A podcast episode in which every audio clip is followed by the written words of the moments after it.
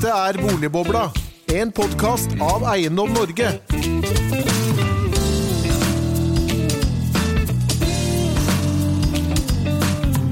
Hjertelig velkommen til en ny episode av Boligbobla. Vi er tilbake fra sommerferie, og denne gang skal vi snakke om nullrente pluss boligmarkedet er lik hva.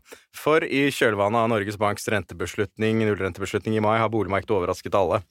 Og juni og juli har gitt oss en sterk boligprisvekst og rekordstore omsetningsvolumer i bruktboligmarkedet.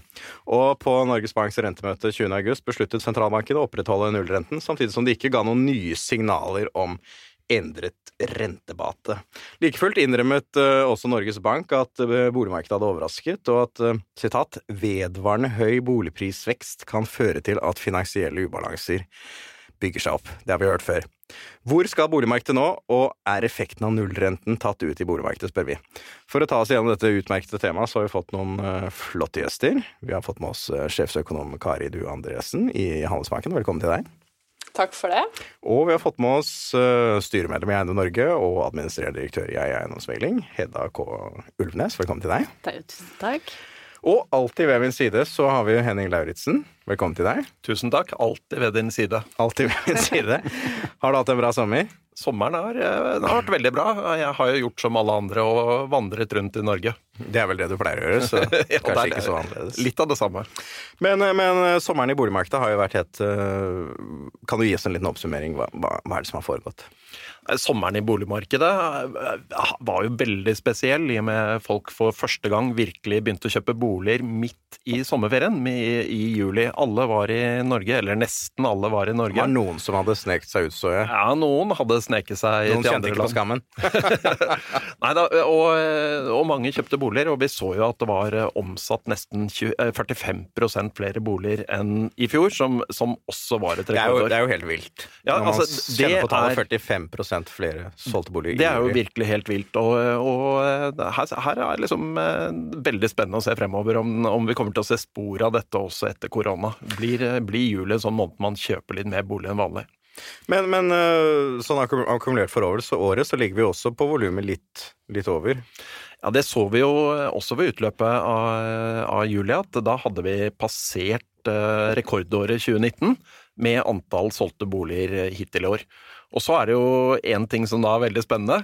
Hva skjer etter juli? Hva skjer i august? Ja, og hva, hva skjer i august? Vi er jo nå litt over midtveis i, i august, og vi, vi, kan jo røpe at vi, vi, sitter jo med noen tall. Vi kan jo telle dag for dag. Vi kan telle dag for dag. Og, og hvordan ser det ut? Og, og, vi har noen tall. Og det som kanskje er litt spennende, det er jo å se på selges det fortsatt mange boliger? Eller har man tatt ut litt når, når mye ble solgt i juli? Og det vi kan røpe, det er at så langt i august så selges det faktisk flere boliger enn det gjort, eh, ble gjort i fjor. Eh, vi ligger en sånn 16% over, nesten. Og det er jo ganske mye, eh, spesielt de foregående månedene tatt i betraktning. Så det du sier, det er at det, det høye omsetningsvolumet og aktiviteten, den, den, har vedvart ut i juli? Det var ikke sånn at liksom denne, dette som normalt ville komme til august, kom tidligere? Nei, det, det, var ikke det, så, så det er fortsatt. Så, så, nå blir det jo ekstra spennende å se hvordan det går fremover. Er det sånn at korona fører til at nordmenn bare kjøper mer bolig? Blir man mer villig til å kjøpe og selge bolig? Eller bremser det ned på et eller annet tidspunkt? Det, det blir jo spennende å følge fremover. Hedda, dere er jo i markedet hver eneste dag. Mm. Hva, hva, hvordan stemmer det bildet som, som Henning her tegner opp, med, jeg, det du erfarer? Ja, jeg er enig med Henning i det at uh, vi har hatt en spesiell juli, uh, og at vi ser at det er vedvarende bra aktivitet også inn i august, og at volumene er høye, og det er høy aktivitet. Og så har vi hatt en boligprisutvikling som har skilt seg ut fra normalen også, og så får vi se hvordan den utvikler seg. Nå er det jo ofte slik at vi har en, en, reduksjon i prisveksten på slutten av året hvert eneste år, og jeg regner med at det også kommer i år. Jeg håper på det. det er vel bare 2016 at liksom eh, prisene har tikket oppover om høsten, om jeg ikke husker helt feil. Mm. Så, så, jeg håper at vi klarer å få en, en, en slags utflatning nå i slutten av året. Så så vi håper på det, men jeg ser at det er et bra trøkk nå, altså. Det er det. Og de tallene du viser til, stemmer hos oss også. Det mm. er mm. Men er det, er det, ulike deler av landet som skiller seg ut, eller er det Nei, og det så vi heller ikke i juli. Det er god vekst og god aktivitet eh, rundt overalt i Norge. Så eh, det er ikke noe som skiller seg spesifikt ut. Vi hadde noe mer aktivitet helt i nord og langs kysten nå i juli. Men det var nok bare fordi de tok igjen litt av den det tapte fra tidligere i våres. Så jevnt over bra aktivitet, altså. Kari, er du overrasket over det sterke boligmarkedet? Ja, jeg er over, selvfølgelig. Jeg er overraska over hvor, hvor, utrolig sterkt det har gått. Vi, vi, var jo blant de som, som, eh, forholdsvis tidlig spådde at det ville være svakt positiv vekst i år, og kanskje ikke så store fall som mange andre frykta. Um, og det var jo fordi at vi så i starten så falt både tilbud og etterspørsel, sånn at det korrigerte seg litt sammen. Um, og da trenger ikke prisjusteringen å bli så stor. Og etterpå så har jo både tilbud og etterspørsel tatt seg godt opp igjen. Um, og jeg er jo litt opptatt av det der at eh, ja, riktignok så har vi fått et veldig stort rentekutt fra Norges Bank som, som virker inn i boligmarkedet. Det, det forventa vi også at det skulle gjøre. Men det som kanskje har overrasket oss litt, er hvor hvor mye på en måte optimismen blant norske husholdninger har kommet tilbake. Det så vi liksom med gjenåpningen, at alle ble plutselig mye gladere og kanskje litt mindre redd for sin egen økonomiske framtid. Og det tror jeg har slått veldig ut i boligmarkedet. I tillegg til at alle, som dere sier, var hjemme i juli og kunne kjøpe bolig. Sånn at når man gjør sesongjusteringer på julitallene i år Juli er jo vanligvis en treig måned, så ser det jo helt eh, off the charts ut. Mm. Så du, har ikke noe tro på den sesongjusteringen? Nei, sånn det, den sesongjusteringen den blir litt feil dette året, fordi at det her har vært et spesielt år på alle måter. Mm. Mm, men, men eh, du, du, ser liksom for deg at det, dette, dette, er bare optimisme? Det er, det er ikke realøkonomi egentlig som ligger bak her, eller? Jo, det er klart, men du kan tenke deg hvis du hadde fått det rentekuttet, men at alle var like redde hele veien som det vi var i mars og april, så tror jeg ikke vi hadde sett det samme i boligmarkedet. Jeg tror dette skjer fordi folk er mindre bekymra for sin egen økonomiske framtid, og dermed så tør de å gjøre større investeringer. Eh, så dette er kombinert eh, med Dette rentekuttet er kombinert med at folk har blitt mindre pessimistiske, tror jeg, og det har slått da veldig positivt ut. Og Derfor så er jeg også veldig spent på hva som skjer utover høsten. i og med at vi nå har hatt en, en viss smitteoppblomstring. Jeg tror også på en måte eh, fremtidsoptimismen da, blant husholdningene kanskje kan påvirkes litt av det. Så det blir spennende å se. Mm. Henning, hva, hva, tenker du om, du om høsten sånn som det står nå, og med den smittesituasjonen vi har? Jeg, jeg, jeg, har nok vært blant de som, uh, som tror at uh, hvis, hvis, vi får sånne små smitteoppblomstringer som det vi har nå, så kommer ikke det til å gi den store påvirkningen på boligmarkedet. Hvis det, hvis det ikke er noe som, som, som, på en måte påvirker eh, økonomien grunnleggende, så tror jeg nok kanskje heller at nordmenn flest de vet at dette går det an å gjøre noe med. Og, og, det var jo en av de store usikkerhetene da vi var i mars, f.eks. Ja, vi visste altså, ikke vi visste hvordan vi skulle håndtere dette. Nei, vi visste jo ikke om vi hadde kommet til å klare å, å, på en måte slå ned dette, eller om vi kom til å ha et sånn helt isolert samfunn et halvt år. Men det, men det viste seg jo at det fikk vi jo til i løpet av et par måneder, og så, og så ble det en slags ny normalitet. Og det er nok mer den jeg tror vil fortsette. Mm. Hedda? Mm. Ja da, jeg er enig i det at vi, vi, har jo lært mye av hvordan vi skal håndtere denne smittesituasjonen, og ta med oss den erfaringen eh, inn i neste sesong, høstsesongen. Og eh, foreløpig så ser vi jo ikke at eh, den smittespredningen vi har nå, har påvirket boligappetitten. Det kan vi ikke se i våre tall. Så jeg er enig i det, altså. Så. Kari, kan det være sånn at hjemmet er blitt vårt uh, en trygg havn mot korona? ja, ja det, er jo, det er jo der alle må oppholde seg, da, hvis det er eh, mye smitte der ute. Så, Men vi kan jo legge til at du selv sitter i ditt hjem akkurat nå, av smittevernhensyn. Ja, jeg gjør det. Jeg gjør det, og vi har eh, ganske strenge regler om dagen på å redusere eller begrense antall fysiske møter. Så det er, litt, det er faktisk blitt litt strengere på en del, i hvert fall i min omkrets etter sommeren. Men, men, kan det være sånn at uh, vi, vi nordmenn vi, vi, snur konsumet vårt mot, mot bolig og, og, hjemme? Vi ser jo disse byggevarehusene og hjemmeinnredning og alle disse melder jo om, uh, mange av dem i hvert fall, veldig gode, gode tider. Ja, ja. Og, og, vi ser jo veldig Altså varekonsumet har jo vært ganske så sterkt i år, ikke sant. Folk eh, sitter hjemme og bestiller både det ene og det andre. Men, men vi ser at det tjenestekonsumet er hardt ramma. Så vi har hatt en vridning i konsum eh, fra tjenester, altså type restaurantbesøk og alt man driver med utenfor hjemmet, til at man sitter hjemme og bestiller ting hjem. Eh, og det er klart, da, da pusser man opp, og så kjøper man ting og tang man har behov for hjemme. så, så, kan dette bli liksom redningen for norsk økonomi, eller hva, hva, hva tenker du om, om den utviklingen? Jeg tenker at uh, dette som har skjedd, er uansett ikke noe uh, netto positivt for norsk økonomi. Uh, det ser jeg ikke for meg. Men det er klart vi har fått veldig mye hjelp, som dere var inne på, både fra rentekutt og fra Eh, finanspolitikken i år, som gjør at dette går mye mindre hardt utover husholdninger og bedrifter enn det kunne ha gjort.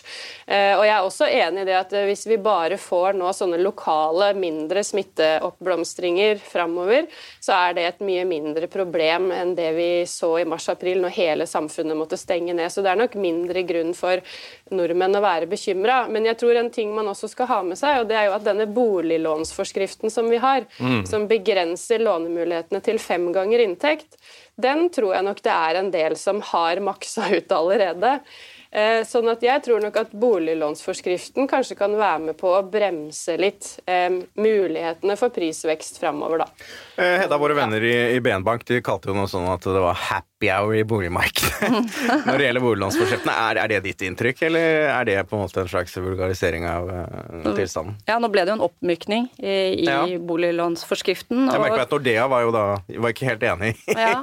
i BN Banks uh, vurdering der. Ja, altså jeg syns jo disse to tingene virker sammen. Vi snakker veldig mye om at det er renten som har fuglet opp boligmarkedet, men det er også noen reguleringer eller endringer, lettelser i boliglånsforskriften som, som, virker i den retning også. Det var jo det som reddet boligmarkedet i 2016. Det var jo at vi fikk en boliglånsforskrift eh, på plass. Fra dempet, en boligboble, liksom? Ja, mm. ikke sant. Så, så, disse to tingene virker jo sammen. Eh, og eh, nå skal vel disse Dette er jo midlertidige oppmykninger som skal, er vel avslutning i september, er det vel? Ja, ut september. Ja. ut september, så vi får vel noen signaler på det, tenker jeg, nå snart. Eh, og det har jo en, en side til, til eh, kapitalen eh, i markedet, som jo har en stor betydning.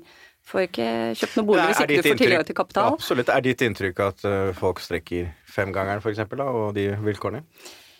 Jeg, jeg, har inntrykk av at bankene er gode på å drive godt bankhåndverk og eh, tar de riktige vurderingene. Det syns jeg de har gjort løpende over lang, lang tid. Så jeg har tillit til at eh, de gjør jobben sin der, og, og jeg ser ikke noe signaler på det noe sted. Det gjør jeg ikke, så Kari, du, det var jo rentebeslutning i går, et såkalt mellommøte. Jeg så du, du, du, du sa at det ikke var noen signaler om noen ting i rentebanen. ja, eller hva, hva, hva, legger du i det? Hvordan tolker du det? Sitter du da og tolker formuleringene og hvilke ord som benyttes? Ja. Det er jo rett og slett det vi gjør. Vi tar setning for setning omtrent. Så er litteratur, det litteraturvitere? ja, det er tekstanalyse. tekstanalyse ja, ja, ja. Men eh, nei, fordi det eneste man får på et sånt mellomliggende møte, da, som du sa, det er jo bare en kort pressemelding. Så man, så man må rett og slett bare ta de eh, orda som står der, og prøve å tolke hva de betyr. Mm. Um, og det vi var eh, ute etter å se, var om, om Norges Bank f.eks. ville legge mer vekt på boligmarkedet enn andre ting. Ja, eh, men det gjorde de vel strengt talt? Eller? Nei, fordi at de, de, de, samtidig som de la vekt på boligmarkedet, så trakk de også fram potensielle nedsiderisiko i den risikovurderingen. Nei, riktig, riktig. Så de trakk også fram nettopp det her med denne nye smitteoppblomstringen, og at mm -hmm. det potensielt kan dempe utsiktene for norsk økonomi. Så sånn i forhold til eh, renteutsiktene framover, så sa de at ja, på den ene siden så er boligmarkedet sterkere, og det er jo noe da som vanligvis trekker opp, eh, eller i retning av en raskere renteoppgang. men så har du en ny smittesituasjon som kan dempe utsiktene, og det trekker litt ned. Så, så i forhold til renta så var det ganske så balansert. Så da, da veier dere liksom i, i, fra analytikernes perspektiv det, det, ene formuleringen mot det andre, er det du sier? Nettopp. Mm, nettopp. Riktig, riktig. Så vi fikk ikke noen nye indikasjoner på hvilken retning de ønsker å um, revidere renteprognosen da, når vi kommer til september. Men hva, hva tenker du om, om rentevanen nå, nå fremover, da? Og dere? Ja, nå sier jo Norges Bank eh, i den eh, renteprognosen de la fram i juni, så ligger det implisitt en eh, renteheving desember 2022. Det er jo fortsatt ganske lenge til. ikke sant? Da skal vi ha nullrente resten av det året her og hele neste år. Og Det er over, først over to år til, ja. Ja, nettopp. Så det er lenge til. Um, det jeg har, har venta litt på, kanskje da i forhold til boligmarkedet, er jo at de kan varsle en tidligere renteoppgang. Men det er klart, hvis, hvis en ny smitteoppblomstring truer gjeninnhentingen i norsk økonomi og arbeidsmarkedet, så er jo det noe som trekker i motsatt retning. Så eh, foreløpig så er det kanskje litt tidlig å em, å konkludere noe der, da, men boligmarkedet er en faktor som trekker i retning av at renta skal litt tidligere opp. Så med mindre det er andre faktorer som, som demper det, så, em, så, er, så, så, så går kanskje renta opp litt før. Men som sagt, eh, sentralbanken gjør den vurderingen eh, i september. Men hva tenker du mer, mer om, om, om hva skal du si, tilbakekomsten til normaliteten etter, etter korona? Litt, på, litt over langen, altså globalt og i verdensøkonomien? da? Ja, nå tar det seg jo opp, ikke sant. Og det som er veldig nytt for oss som sitter og lager prognoser, det er jo at vi nå må betinge på et slags eh, helseforløp. Når kommer vaksinen? Hvor eh, fort klarer man å produsere den? Og så videre og. Ja, det er veldig vanskelig for oss å si noe om, så vi må jo bare belage oss på liksom offisielle uttalelser der, da, fra Helse-Norge og fra WHO og sånne ting. Og da eh, sier man jo kanskje en vaksine i løpet av neste år. Eh, hvis, hvis det blir mer og mer sikkert, så tror jeg nok det er mange som begynner å, å senke skuldrene litt. Men, men det kan jo da potensielt være et år til hvor vi må leve med eh, smitteoppblomstringer, kanskje også i verste fall lenger. Så, så det betyr at det kan ha en situasjon hvor, hvor det går litt sånn to skritt fram og ett tilbake. Så vi regner med at denne gjeninnhentingen blir veldig sånn gradvis. Men hva, hva, ser du for deg liksom, som de langsiktige konsekvensene av korona? Liksom, slutter vi å reise? altså, Ja, det er jo veldig spennende spørsmål. Ja. Det skal jo ikke se bort ifra at eh, jo lenger man, man, man har en ny situasjon, at det påvirker oss eh, i valgene vi gjør, eh, mer permanent. Og akkurat den reisevirksomheten er det jo flere som mener at kan, kan endre seg permanent, fordi man ser at eh, det er faktisk mulig å sitte hjemme og ha møter med folk som eh, er et helt annet sted. Eh, Sånn at forretningsreiser forretningsreiser for eksempel kan nok hende at man reduserer på en del. Kanskje også folk tenker at de ikke trengte den, den turen til Tenerife, eller hvor det skulle være. Jeg vet ikke. Det er sånn Det, det gjenstår å se, men det er helt klart at denne pandemien kan bidra til at de eh, at lange trender kan eh, endres. Men det er, veldig, det er litt tidlig foreløpig kanskje å, å si så mye om det. Men jeg tror hjemmekontor er helt klart eh, en trend som jeg tror vil fortsette. Henning, hva ser du for deg for høsten og neste år skal bringe? Nei, jeg, jeg, kan jo, jeg kan jo begynne med boligmarkedet. Det syns jeg er et greit utgangspunkt. Og, og der eh, har jeg nok litt den oppfatningen at vi, vi får, mm, i hvert fall sånn i det store, mer et normalforløp. At, eh, at det begynner å flate ut eh, etter august, og at vi kanskje kan få en liten nedgang mot året. Og, og her er nok Altså det er jo mange ukjente faktorer. Vi vet jo ikke helt hva som skjer med, med boliglånsforskriften f.eks. Vi vet jo ikke helt hva slags situasjon vi har når vi, når vi nå kommer ut i, i september. Men eh, jeg tror nok en, en god del av renteeffekten den er, den er på en måte tatt ut nå. Selv om man sikkert kommer til å se spor av den også i månedene fremover, så, så er liksom det store trøkket tatt ut av den. Men boliglånsforskriften er jo høstens vakreste eventyr.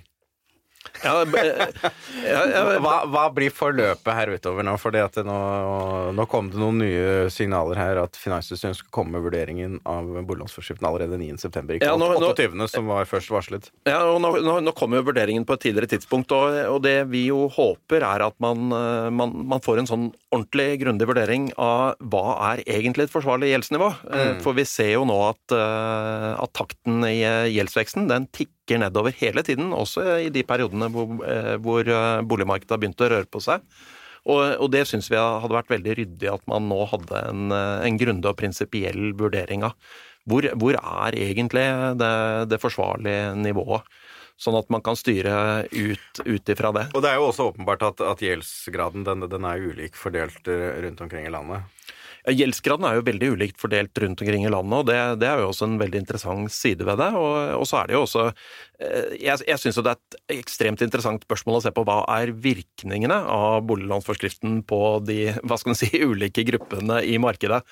Eh, vi, vi, vi, vet jo f.eks. at eh, det er veldig mange førstegangsetablerere som, som, er blant de man som på en måte makser under, under utvid, eller under fleksikvoten normalt. da. Eh, mens, mens, andre grupper ikke, ikke, behøver det, og antagelig ikke har gjort det nå heller. Så det er jo en sånn interessant side ved, ved boliglånsforskriften, det også. Uh, Kari, hva, hva, tenker du? Altså, Gjeldsnivå det er jo både et empirisk og et filosofisk spørsmål, er det ikke det? du, jeg tror man, Det man må huske på med gjeldsnivå, er at det er ekstremt treigt. Det er ikke noe en sentralbank kan styre mot, fordi det tar fryktelig lang tid å få ned et gjeldsnivå. Mm. Så det sentralbanken ser på, er jo kredittveksten, og det de har et uttalt eh, mål om, er jo at de vil ha kredittveksten ned eh, i tråd med inntektsveksten eller lavere. Og det har vi jo faktisk hatt nå en god stund. Mm. Så Sånn sett så er det en positiv uh, utvikling. Um, og jeg tror jo nettopp man ser at denne boliglånsforskriften har hatt en effekt på å tøyle inn kredittveksten i Norge. Så jeg tror at uh, boliglånsforskriften uh, blir Eh, strammet inn igjen, altså den midlertidige oppløsninga. Den midlertidige opphevingen, eller ja, justeringen. At den, blir, eh, at den blir strammet inn. Um, og så tipper jeg at vi etter hvert også får en permanent boliglånsforskrift. Nå ja, det var det, det IMF eh, ønsket. Ja at du får en eh, som er permanent, da vil den antagelig bli lik for eh, Oslo og for hele landet, for nå er det jo særregler for Oslo fortsatt. Ja, nei, eh, vi har jo hatt nær dialog med IMF opp gjennom årene, og de har jo hele tiden vært på at den, den Oslo De har jo vært tilhengere av den Oslo, men de har jo vært tilhengere av dette permanente også. Mm. Uh, Hedda, hva, hva, ser du for deg på, på boliglånsforskriften og, og tilgangen til, til boligmarkedet? Det er jo en problemstilling med førstegangskjøperne. er fan, jeg er fan av boliglånsforskriften mm. faktisk. Jeg syns den virker eh, med, eh, eh, etter sin hensikt i det store og det hele. Selvfølgelig er det ting som kan forbedres og justeres på. Og jeg tenker jo at eh, boliglånsforskriften virker jo spesifikt på boligmarkedet, mens renten virker jo på, på hele, hele, markedet som sådan. Mm. Så skal man regulere noe nå, så kan man jo lettere gjøre det ved å gjøre endringer i boliglånsforskriften enn å endre renten. Mm. Eh, for da treffer man jo musikk i mine ører. Ja, så godt å høre. For da treffer den jo mye mer spesifikt og mye mer Så, så det er mitt, min holdning til boliglånsforskriften. Jeg syns den, den, er bra bra, ja. ja nei, vi, vi, vi, fikk jo gjennomgå i Dagens Næringslivs leder her at vi hadde gått inn for å oppheve den. Det var riktignok før renten ble satt i null, må jo sies da. Ja da, nei, det, var, det var vel egentlig bare, bare Nettavisen som, som, ikke lot oss gjennomgå, mens både Dagens Næringsliv og, og Dagsavisen altså, Det er jo fantastisk hvor utrolig reguleringskåte disse alle har blitt i Norge. Det er jo, hva skjedde med liksom fri liberalisme? Det, det lurer jeg på, altså. Det er helt utrolig. Nei, men det er, det, er, det er, jo litt interessant sånn i, i, lys av de debattene man f.eks. har om at vi skal ikke tilbake til prisregulering. Eh, det skal vi absolutt ikke. Men det er de facto det man driver med? Det er de facto det man driver med, bare på en annen måte. Så jeg syns det er noe sånn, det er litt sånn interessante politiske debatter. Det er noen paradokser og det er noen logiske brister også i argumentasjonen her. Ja da, selv om, selv om jeg syns det er mange argumenter man kan forstå her eh, når det gjelder det å skulle forsvare boliglånsforskriften også, så, så det er sagt. Men, men, Kari, dette med tilgang til boligmarkedet for, for Vi vet jo at uh, boligeierne de er jo subsidiert uh, i alle bauger og kanter uh, i skattesystemet. mens leietakerne, stakkars, de sitter jo og betaler hele regningen for alle sammen. det er jo et paradoks at, at boliglånsforskriften setter liksom et tak for hvor rik du må være for å få tilgang til boligmarkedet, eller hva?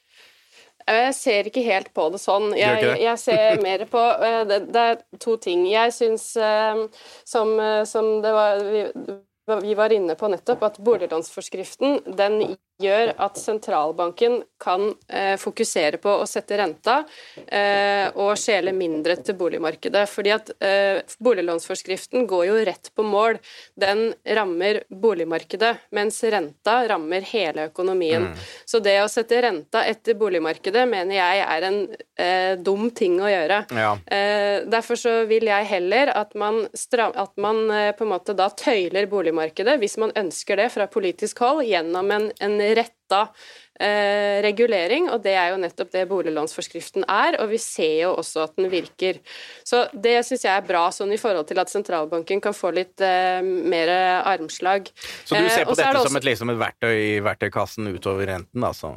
Definitivt. Ja, ja. Um, og så mener jeg at det er smart at de som kjøper bolig, har råd til å betale ned det lånet sitt. Uh, det er en god ting at de som kjøper bolig, er solide nok, uh, og det bidrar også denne boliglånsforskriften til. Mm. Og så må vi ha mindre leiligheter som eh, noen av våre bransjekollegaer har vært ute og snakket om. Sånn, nei, ikke, arkitektene vil jo ikke det, da. Ja, nei, men vi, jeg vil det. men, men, det er jo noe med tilbudssiden her også, Kari. Det er jo evig, evig aktuelt tema. Uh, ja. Dette, det vi vet fra forskningen, er jo det at eh, lave rente og restriksjon på tilbudet sin, det er jo en farlig cocktail.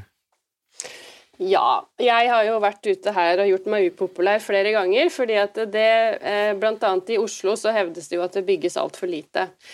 Eh, det vi ser når vi ser på tallene, det er jo at eh, det bygges når det er prisvekst. Det er det liksom ikke noe tvil om. Mm. Når eh, boligprisene justert for byggekost går, så går også boligbygginga opp. Og der er det en ganske god korrelasjon. Så det er mulig det er noen flaskehalser her og der, men det tallene viser over tid, det er at boligbygginga er veldig tett korrelert med boligprisene.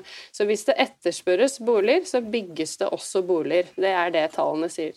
Men da, da skal jo nå, med den prisveksten vi har hatt nå denne hva skal vi si, senvåren og, og, og sommeren, så skal jo det avstedkomme godt salg i nyboligmarkedet. Ja, du ser jo bolig Altså, det får jo en effekt på igangsettingstallene. Eh, og så vil det jo alltid være sånn at det legger lite grann. Eh, så du får jo aldri en bolig ut på markedet så kjapt som du klarer å justere, altså så kjapt som etterspørselen justerer seg. Det er jo det som er problemet i boligmarkedet. Ja, så da blir det et eh, lag. Det, det, er det ikke noe tvil om. Men, men, sånn i forhold til eh, flaskehalser og reguleringer og den slags, eh, og problemet med at, bolig, at boligtilbudet ikke stiger raskt nok i nyboligmarkedet, så ser vi i hvert fall ut fra tallene at boligbygginga tar seg opp ganske kjapt. I hvert fall igangsetting og byggetillatelser tar seg opp ganske kjapt når etterspørselen og prisveksten tar seg opp. Og så sier det seg jo selv at det, altså det tar jo den tida det tar å bygge en bolig bolig. Men hvis man ser på, også på boligtilbudet, eh, det er jo tross alt mest bruktboliger som omsettes. Så, så, tilpasser det seg også eh, prisutviklingen. Men det er mange salgsstater som er utsatt nå, Hedda? Er det ikke det i boligmarkedet? Ja, er, eh, jeg er jo enig med, med, Kari i det at det er en, en korrelans, eller korrelerer mellom boligprisvekst og igangsettelse. Det er jo markedskreftene som mm. rår. Eh, entreprenørene og utbyggerne de er de følger med på boligprisutviklingen, ser at da har de muligheter til å tjene penger, rett og slett. Mm. Og, men det er jo også Det tar jo tid å få, få disse boligene ferdigstilt, og det tar jo gjerne opptil to til tre år. Mm. Og eh, det skulle man jo kanskje gjerne ha, ha, vært foruten. At man skulle hatt et eh, tilbud som matchet etterspørselen der og da. Det, det funker ikke for nybyggere. Det er jo umulig. Det er jo ikke sånn at vi kan bestille 1000 boliger fra Kina, Kina og få dem morgen. Men det går an å gjøre det mer effektivt, og det tror jeg faktisk at eh, entreprenørene jobber med, å få boligene raskere opp eh, og få mer effektivitet inn i byggebransjen. Det kan de nok eh, jobbe litt med for å møte etterspørselen. Ja, nei, det er jo godt dokumentert at det er en sammenheng mellom prisutvikling og, og såkalt elastisitet på tilbudssiden. Henning, du, du, er jo ekspert på plan- og bygningsloven. Eh, hva, hva, hva skal til? Jeg, eh, altså, jeg, her, her, tror jeg det er forskjellige problemstillinger forskjellige steder. Og, og, det er litt sånn, Mye av denne debatten dreier seg egentlig om Oslo og Oslo-området. Eh, og så, så, ser vi også andre steder. Bergen er kanskje et sted hvor det begynner å bli litt mer vrient å, å bygge. så Der kan vi kanskje mm, få mm, Der er det også de... kommet en leilighetsstorm som, som, da setter Ja, så da, da, kan det være at vi kommer til å se noen av de samme problemstillingene som vi har i Oslo. Men, men nå oppfatter jeg at det er mange ting. altså Jeg, jeg oppfatter at det, det, mangler litt sånn tillit mellom politikere og utbyggere. Ja. Jeg kan legge til, I går så syklet jeg hjemover, så traff jeg en berømt norsk norsk eh, forretningsadvokat som jobber med utbyggere. Ja. Han ristet på hodet. Ja, ja. Dette, jeg jobber med noen utviklingsprosjekter i Oslo. Det ga ikke fort, ass. Ja, nei, men, men, men jeg, jeg tror det mangler litt tillit. Og, og så har man en ulik virkelighetsforståelse. Det opplever jeg noen ganger. Man er, man er egentlig ikke enige om det er regulert nok, og eh, hvem som har skylden, osv. Så, videre. Eh, så, Mm. så, så der ligger det litt. Og så ligger det selvfølgelig på både platesystemet og gjennomføringen. For det er jo det er, jo, det er ikke til å komme fra at det er kompliserte prosesser å bygge i transformasjonsområder. Mm. Da man eh, bygde på jomfruelig mark, så, så, så har man ikke så problematisk. Men det er klart, her er det mange og kompliserte prosesser. Mm. Og jeg tror akkurat det med reguleringsproblematikken, det at det tar lang tid, det tror jeg er et Oslo-problem. Mm. Eh, Det er ikke det samme problemet rundt omkring i Ja, vi ser jo det Kommunene øst for. Oslo er jo ganske offensive. Ja, der er det Lillestrøm effektivt er jo helt og, og gode prosesser. Så det er et Oslo-problem, det at reguleringer og, og dialog med myndighetene tar tid. Så er det store spørsmålet er effekten av nullrenten tatt ut. Kari?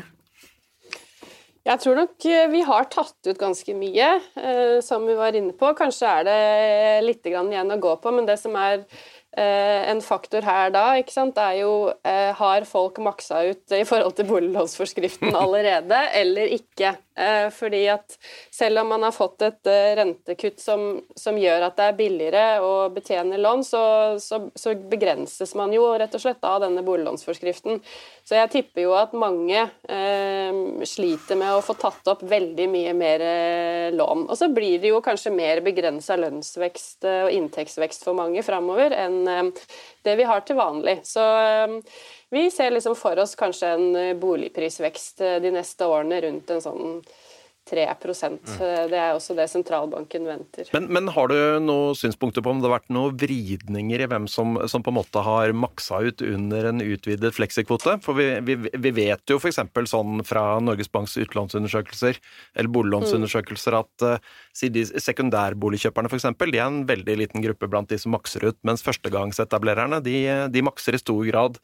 Og så er det noen som har hevdet at nå har det liksom vært noen vridninger, nå, nå er det de feite 50-åringene som, eh, som har vært inne og tatt fleksikvoten. Har du, har du noen synspunkter på det? Ja, jeg har ikke sett noe eh, oppdaterte tall, men det det i hvert fall ble sagt eh, da denne femgangeren ble analysert, så sa man jo det at eh, det finnes jo også et krav som sier at du skal tåle en fem prosentpoeng renteøkning. Mm. Og det er det kravet som, det som i størst grad rammer de med lav inntekt. Ja. Sånn at femgangeren rammer i størst grad de med høy inntekt, for de har ikke noe problemer med de andre punktene i forskriften. Um, og det vi også har sett i boligmarkedet, eller i norsk økonomi nå, er jo at uh, i arbeidsmarkedet så er det de lavtlønte som har blitt rammet hardest. Og dermed så har kanskje de med god råd eh, fortsatt hatt mulighet da, i større grad til å delta i boligmarkedet enn mange i, i tjenestenæringene og i lavtlønte yrker f.eks. Og det også kanskje har jo skapt en vridning eh, muligens i boligmarkedet i disse siste månedene. Nei, tiden går jo utrolig fort her i podkaststudio. Uh, vi må gå inn for landing. Og vi har jo alltid en fast spalte som vi, vi spør gjestene våre om uh, din første bolig. Hva, hva kjøpte du? Hva kjente du? Hva følte du? Hva tenkte du? Uh, Hedda, du først. Din første bolig. Jeg kjøpte en eh, trerom, treroms på Majorstua, eh, og det kjentes bra, det. Når var, når var dette, da? År?